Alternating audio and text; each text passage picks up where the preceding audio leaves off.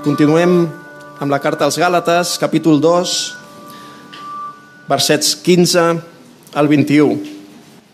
Nosaltres, diu l'apòstol Pau, som jueus de naixement i no pecadors d'entre els gentils. Sabem que l'home no és justificat per les obres de la llei, sinó per mitjà de la fe en Jesucrist. També nosaltres hem cregut en Crist a fi que siguem justificats per la fe en Crist i no per les obres de la llei, perquè per les obres de la llei cap carn no serà justificada. I si cercant de ser justificats en Crist, nosaltres mateixos també vam ser trobats pecadors, és Crist, llavors, ministre del pecat? De cap manera. Perquè si torno a construir les coses que vaig destruir, jo mateix em constitueixo transgressor. Perquè jo, per mitjà de la llei, vaig morir a la llei a fi de viure per a Déu. Amb Crist estic juntament crucificat, però visc ja no pas jo, sinó que Crist viu en mi. I el que ara visc en la carn ho visc en la fe del fill de Déu, que em va estimar i es va lliurar ell mateix per mi. No rebutjo la gràcia de Déu, perquè si la justícia és per mitjà de la llei, llavors Crist va morir debades.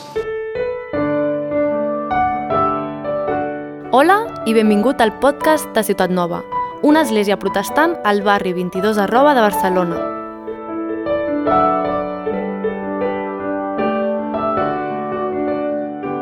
La setmana passada vam sentir a parlar d'aquest conflicte oi, que hi va haver a l'església a l'església de Galàcia un conflicte entre dues persones importants entre dos pesos pesats, podríem dir, del lideratge de l'Església, entre Pau i Pere. I avui Pau continua parlant en relació a aquell conflicte. De fet, llegiré eh, els versets 11 a 14 perquè ens posen en el context de totes les afirmacions que Pau farà en el text d'avui. D'acord? Diu això. Però quan Pere, està parlant l'apòstol Pau, vingué a Antioquia me li vaig oposar obertament perquè era de blasmar, perquè abans de venir alguns de part de Jaume menjava amb els gentils, però quan van arribar ell se'n retreia i se n'apartava, tement els de la circumcisió. I els altres jueus també van dissimular amb ell, fins al punt que també Bernabé fou arrossegat per la dissimulació d'ells. Però quan vaig veure que no caminaven rectament conforme a la veritat de l'Evangeli, vaig dir a Pere davant de tots, si tu que ets jueu vius com els gentils i no com els jueus, per què obligues els gentils a judaïtzar? I aleshores comença el text d'avui. D'acord? Per tant, vam veure aquest conflicte i avui Pau continua parlant en relació amb aquell conflicte. Una mica seria la teoria que hi ha al darrere del per què hi va haver-hi aquell conflicte. Oi, Pau explica per què era important corregir a Pere d'aquella manera. Quines veritats fonamentals hi havien en joc.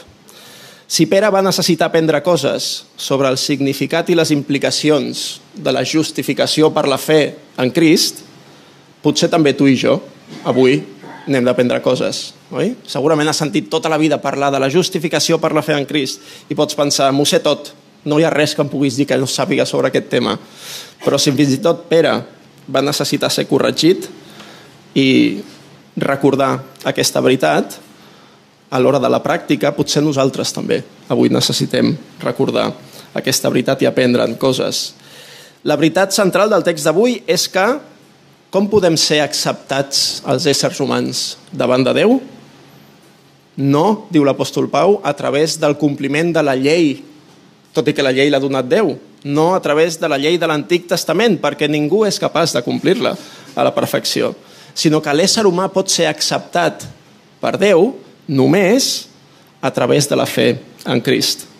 Per tant, tots aquells, diu Pau als Gàlates, que us volen tornar a la llei i us diuen que és necessari que feu aquelles pràctiques típiques jueves, doncs us estan dient una mentida, us estan canviant l'Evangeli, fomenten una manera equivocada de relacionar-se amb Déu que no pot fer-nos acceptables davant de Déu. I a més a més genera situacions injustes a la vida de comunitat de l'Església, com vam veure que passava amb Pere. Voler tornar a la llei, diu Pau amb altres paraules, com a mitjà de salvació, de reconciliar-se amb Déu, és rebutjar la gràcia de Déu que ens ha estat donada a la creu de Crist. Aquest seria el resum de la predicació d'avui. Per tant, en altres paraules, això. Tot ésser humà, sigui quin sigui el seu origen, la seva nació, la seva raça, els seus costums i tradicions, i més endavant Pau i afegirà que sigui quina sigui la seva condició econòmica i social, el seu sexe, tot ésser humà és justificat i fet fill de Déu de la mateixa manera. No hi ha diferències, de la única manera possible, per la fe en Jesucrist. Si canviem això, ens diu Pau, fem inútil la gràcia de Déu. I llavors Crist hauria mort per no res. Tres punts per la predicació d'avui. En primer lloc, direm, seguint els versets, Pau afirma la justificació per la fe en Crist. Primer punt, Pau afirma la justificació per la fe en Crist. El segon punt és que Pau respon a les objeccions que fa la gent a la justificació per la fe en Crist i després Pau ens parla de les implicacions d'aquesta justificació per la fe en Crist en el dia a dia. D'acord? Serien aquests els tres punts de la predicació d'avui. Versets 15 i 16. Pau afirma la justificació per la fe en Crist. Diu l'apòstol Pau, nosaltres, referint-se a ell i a Pere, som jueus de naixement i no pecadors d'entre els gentils. Sabem que l'home no és justificat per les obres de la llei, sinó per mitjà de la fe en Jesucrist. També nosaltres hem cregut en Crist Jesús a fi que siguem justificats per la fe en Crist i no per les obres de la llei, perquè per les obres de la llei cap carn no serà justificada. Això d'entrada. Oi? Pau recorda Pere que ells són part del poble escollit de Déu. De fet, el poble jueu tenia una sèrie d'avantatges respecte als altres pobles, els que ells anomenaven gentils o fins i tot els que ells anomenaven, de vegades amb aquesta forma despectiva, els pecadors, els que no tenen llei, no tenen les promeses de Déu, Déu no ha fet un pacte amb ells, nosaltres sí, que som un poble que té les promeses de Déu, que té la llei de Déu i totes aquestes coses tan importants que ens donen identitat com a poble. Els altres són els gentils, els pecadors. Oi? Doncs, Pere, eh, doncs Pau li diu a Pere, tot i que tu i jo tenim aquest privilegi, Pere, tu saps també com jo que cap ésser humà pot ser declarat just davant de Déu pel compliment de la llei que tenim a l'Antic Testament. L'única manera de ser acceptats com a justos per Déu és a través de la fe en Crist. I això és així tant pels gentils com pels jueus. Ells també reben aquesta justificació només per la fe de Crist, per la fe en Crist, i no pel compliment de les obres de la llei. La salvació és del Senyor i l'única opció per obtenir-la és rebre-la per fer. Què vol dir justificació? Aquí ja estem en una paraulota teològica d'aquestes, oi? Però és molt important. És una paraula molt important. Quan l'apòstol Pau parla del concepte de la justificació, fa servir una paraula grega antiga amb un significat molt concret, que històricament els protestants hem defensat que, com diu Leon Morris, un erudit que va estudiar molt aquest tema, la justificació, tal i com l'entén Pau, és un concepte legal. Us agraden els conceptes legals? Quan sentíem a parlar de judicis, oi? Són aquelles paraules i aquells conceptes que dius, mora meva, et queden ganes d'estudiar dret després de sentir segons quins conceptes legals? Doncs la justificació és un concepte legal. La persona que és justificada és la persona que es troba en un judici i rep el veredicte del jutge. Utilitzada en el sentit religiós, aquesta paraula significa rebre el veredicte favorable de Déu, que és el jutge, en aquell dia que ell farà justícia. No sé si ens n'adonem de com de radical és aquesta doctrina. Va ser escandalosa pels oients de Pau, ja ho veus, els Gàlates, oi? També va ser escandalosa al segle XVI pels oients de Luther i ho és avui per molta gent, també. La justificació per la fe en Crist va totalment en contra de l'evangeli de l'autoestima i de qualsevol programa o evangeli alternatiu que proposi l'autosalvació, que nosaltres, per nosaltres mateixos, podem fer allò que cal per ser salvats. Aquest evangeli bíblic et diu que la salvació és completament obra de Déu, quelcom que tu no mereixes i que només pots rebre com es rep un regal. Clar, a nivell humà això et matxaca, oi? D'entrada et diu mmm, no ho puc suportar que et diguin això, no ho pots suportar. M'estàs dient que no puc fer res per ser acceptat per Déu? Segurament la justificació per la fe en Crist et sona si ets una persona d'església. O potser no, si ets una persona que no està acostumada a aquestes paraulotes bíbliques, potser penses, molt bé, la justificació. Però a qui li importa avui, al segle XXI, a la ciutat de Barcelona, el concepte de la justificació per la fe en Crist? Les obres de la llei, la fe en Jesús, T'asseguro, em podrien dir, que la gent d'avui a la ciutat de Barcelona no té aquests problemes.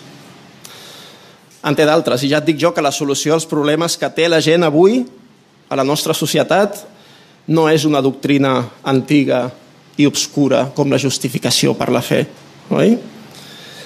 Ens podries parlar, Rubén, dels problemes que tenim avui, no dels problemes que van tenir la gent al segle I. Potser en ells, a ells els preocupava tot això de ser justificats davant de Déu, però avui aquest concepte no ens diu res. Parla'ns del Covid, parla'ns de la vivenda, parla'ns de la feina, de la política, del benestar emocional que tots necessitem, de la salut física, de la felicitat. Com podem ser més feliços? El canvi climàtic, la justícia social. Aquestes són les coses que importen als éssers humans avui a la nostra cultura. I què té a veure amb tot això, aquest concepte tan rar i prehistòric com la justificació per la fe? A més a més, sona molt individualista això de la justificació per la fe, oi? On queden en aquest evangeli les coses com ara la reconciliació racial, la diversitat social, el respecte als drets dels més vulnerables? On queda tot això en aquest evangeli tan individualista?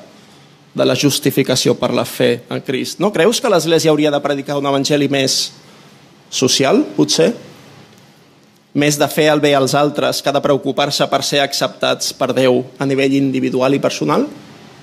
Podria dir algú. És una bona pregunta, són bones preguntes, oi? La contestaré al final del sermó. Vale?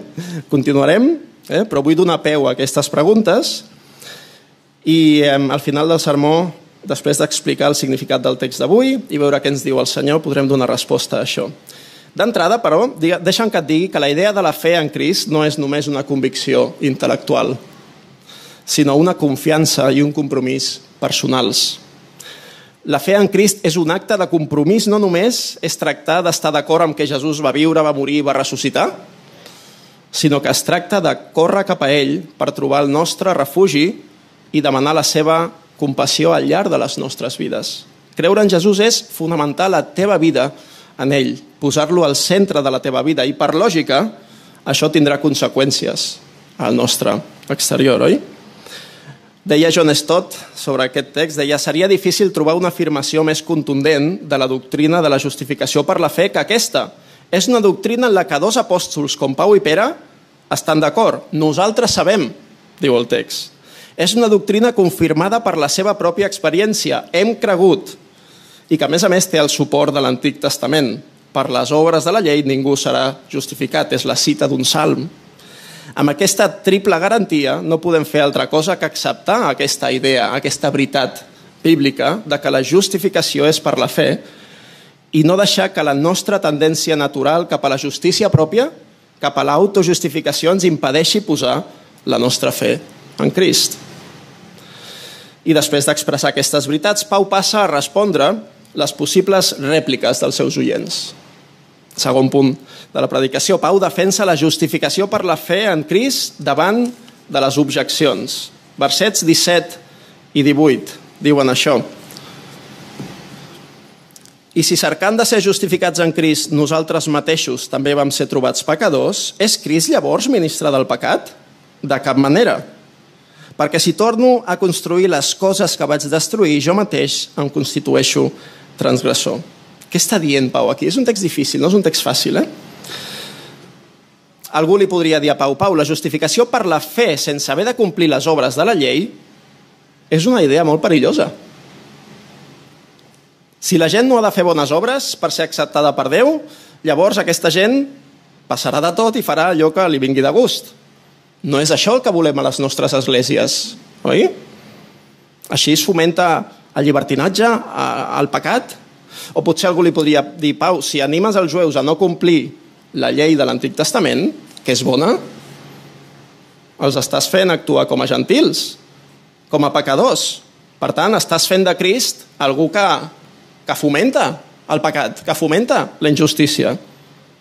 I és important que veiem què és el que Pau admet i el que Pau nega d'aquestes acusacions. Pau admet que tant ell com Pere, com els altres jueus que s'han fet cristians, no busquen ser acceptats per Déu, no busquen a través de les obres de la llei, sinó que ho busquen només per la fe en Crist. Llavors admet que al fer això, tots ells seran considerats pecadors per als jueus practicants de la llei de Déu, de la mateixa manera que eren vistos els gentils. Així que en aquest sentit Pau accepta el terme pecador, però per altra banda Pau nega que per aquest motiu es pugui considerar que Crist fomenti la injustícia, fomenti la desobediència a Déu. No és així, diu Pau.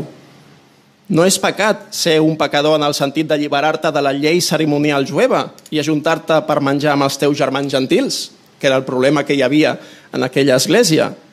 No és pecat deixar de dependre de les obres de la llei per justificar-te davant de Déu. Per tant, no, Crist no és un ministre o un servent o un agent, depèn de la versió que llegeixis, del pecat. No fomenta el pecat, sinó que Crist fomenta la llibertat. Sí, Crist ens allibera de les obres de la llei, però no, al fer-ho, no està fomentant el pecat. Llavors Pau contraataca i, i diu, voleu que us digui què és el que realment fomenta la injustícia? Què és el que realment fomenta el pecat? Tornar a la llei, tornar enrere, tornar a considerar que tu pots complir amb aquesta llei i ser acceptat per Déu per complir aquesta llei. Si tornes a la llei veuràs cada vegada més la teva incapacitat per complir-la. La llei et diu, ets un transgressor, no estàs a l'altura, ets un pecador. I això també se'ns critica avui als protestants, oi? Ens diuen, si Déu justifica els dolents, perquè la Bíblia diu que Déu justifica els pecadors.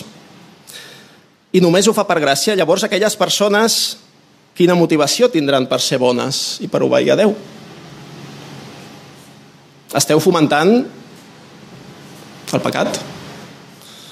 La justificació per la fe en Crist genera un malentès al que va haver de fer front Pau, al que va haver de fer front Luther i al que segurament tu i jo haurem de fer front quan expliquem aquesta idea davant de persones no creients o persones creients d'altres eh, confessions, oi? Cristianes. Mira que fàcil, oi? Tu creu en Jesús i ja està tot fet, no cal que facis res més. És això el que estàs dient? És allò de penedeix-te i peca tant com vulguis. És això el que diu la doctrina de la justificació per la fe en Crist. I Pau diu, de cap manera. I els versets 19 a 21 ens explicarà les conseqüències pràctiques que té aquesta doctrina de la justificació per la fe en Crist, que ben entesa no fomenta el pecat, sinó que fomenta una vida d'obediència a Déu amb les motivacions adequades. La justificació per la fe és una manera que té Pau de resumir l'Evangeli amb una sola frase. Però un cop hem entès el concepte, no ens podem quedar aquí i hem d'anar a veure el conflicte que hi havia. Què és el que fa que Pau parli de la justificació per la fe? Un conflicte de convivència. Un conflicte de convivència. I el que fa Pau és recordar a Pere les implicacions de la justificació per la fe en Crist. Pere va caure en el legalisme i en un, podríem dir, nacionalisme excloent que deia a no ser que tu et facis jueu i compleixis la llei, no pot ser agradable a Déu. Aquest nacionalisme no era més que una altra cara del legalisme, d'un orgull nacional que donava allò que era cultural un valor absolut. Aquest era l'error de Pere.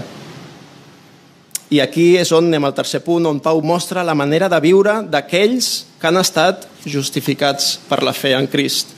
Continuem amb el text versets 19 a 21, perquè jo per mitjà de la llei vaig morir a la llei, diu Pau, a fi de viure per a Déu.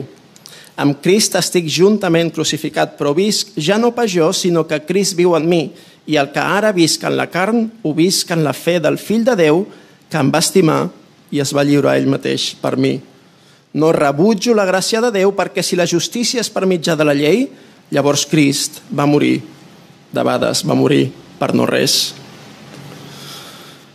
La llei, diu Pau en els seus escrits, la llei de l'Antic Testament és bona, però mai pot ser el mitjà d'acceptació davant de Déu. Pau va morir a la llei en aquest sentit de la llei com a mitjà de salvació. Els creients van morir a la llei a la creu de Crist.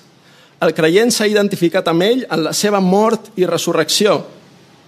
Crist va morir a la creu perquè estava pagant el càstig que deia la llei que s'havia de complir per als pecats d'aquells que creurien en Jesús.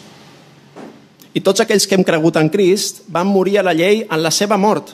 Per tant, el càstig de la llei ja ha estat aplicat a nosaltres a través de Crist, que es va posar en el nostre lloc i va fer nostre, va fer seva la nostra injustícia, va fer seu el nostre pecat. D'aquesta manera ja no vivim en base a la llei de l'Antic Testament, sinó que vivim com Pau en base a Déu mateix. El fonament de la nostra vida no és complir la llei de l'Antic Testament i d'aquesta manera ser acceptats per Déu, sinó que el fonament de la nostra vida és Déu. El Déu que ens ha regalat la salvació i que mereix el nostre agraïment en forma d'obediència per tot el que ha fet per nosaltres. Ja no vivim una vida de grans esforços per guanyar-nos a Déu, sinó que vivim una vida d'agraïment per tot el que Déu ha aconseguit per nosaltres. Quan Pau obeïa a Déu sense tenir la garantia de que era acceptat per Déu, estava obeint per aconseguir coses, per aconseguir un premi i per al que aconseguiria de Déu. No estava obeint simplement perquè estimava a Déu. Ara que ha estat justificat i que ha estat acceptat, que ha entès l'Evangeli, Pau té un motiu per obeir que és millor i més poderós. Simplement vol viure per aquell que, diu, em va estimar i va lliurar la seva vida per mi. Pau vol que entenem que la nostra acceptació per part de Déu ens dona un nou motiu més poderós per obeir a Déu que el que la justificació per obres ens podria donar mai. Els creients viuen, vivim per fer en Crist. Hem de viure la nostra vida sobre la base de qui som en Crist. És la nostra identitat. Per la fe en Crist, diu Pau, estic tan unit i identificat amb ell que la seva mort és la meva mort i la seva vida és la meva vida. Estic en Crist i això vol dir que davant de Déu sóc tan innocent i lliure de la condemna que mereixia com si ja hagués mort i estat jutjat, com si ja hagués pagat el meu deute i per tant també sóc tan estimat per Déu com si jo mateix hagués viscut la vida que Crist va viure. Per tant, les paraules però visc ja no pas jo, sinó que Crist viu en mi, són un recordatori triomfant de que encara que nosaltres som pecadors, en Crist som justos. Per tant, tornar a la llei com a mitjà de salvació és rebutjar la gràcia de la creu, Pau diu, ara quan visc la meva vida, prenc les meves decisions, faig la meva feina, ho faig recordant qui sóc per fer en Crist que tant em va estimar. La dinàmica interna per viure la vida cristiana és aquesta. Només quan em veig a mi mateix com algú completament estimat i perfecte en Crist, tindré el poder de penedir-me amb alegria, de conquerir les meves pors i d'obeir aquell que va fer tot això per mi deia un autor que la totalitat de la vida cristiana és una resposta a l'amor de Déu demostrat a la mort del fill de Déu per homes. La totalitat de la vida cristiana és una resposta a l'amor de Déu demostrat a l'amor del fill de Déu pels homes. Aquesta és la motivació d'aquell que ha estat acceptat per Déu. Per tant, la justificació per la fe en Crist té conseqüències inevitables aquells que han entès aquesta doctrina i han fet seva per la fe la justícia de Crist caminaran rectament, conforme a la veritat de l'Evangeli. I quan això no sigui així, quina serà la referència per canviar i per corregir la manera de viure? L'Evangeli. Una altra vegada. L'Evangeli, la justificació per la fe en Crist té implicacions pràctiques pel nostre dia a dia. Implicacions en com et relacionaràs amb els teus veïns, implicacions en com et relacionaràs amb els companys de feina, amb la teva parella, amb la teva comunitat. Podem trobar alguns exemples. Posem exemples de l'àmbit de l'Església, per exemple.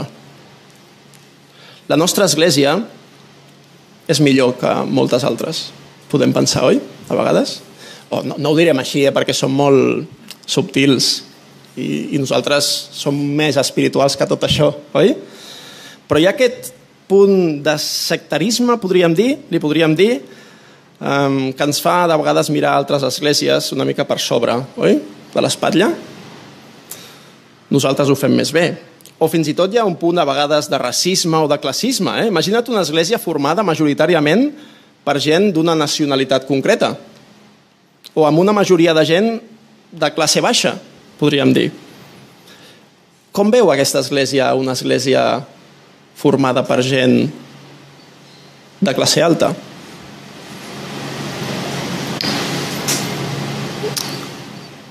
Amb menys preu? I, I al revés, com veu l'església de gent amb classe alta a l'església de gent de classe baixa? Estic posant exemples una mica simplistes, eh, si voleu, però perquè pensem una mica en tot això. O també el tema de la política. Esglésies senceres o persones de tendència progressista criticant esglésies de tendència conservadora.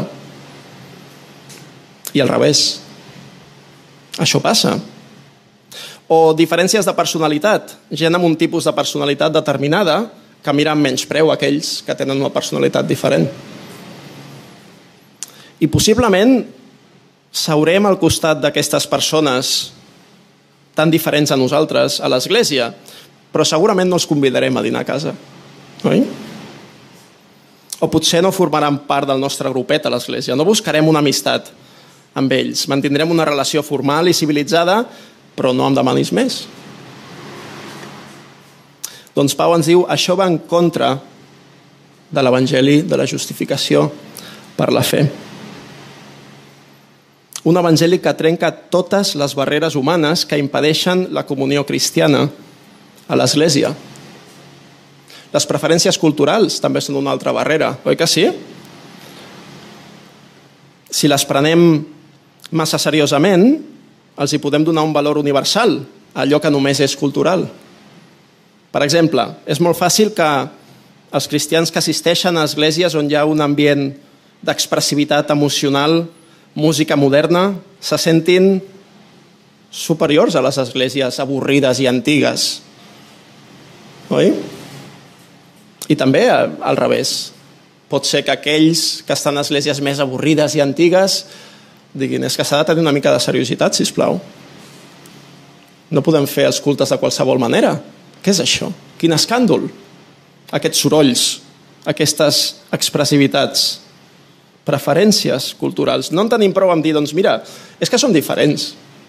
És que en el poble de Déu hi ha varietat.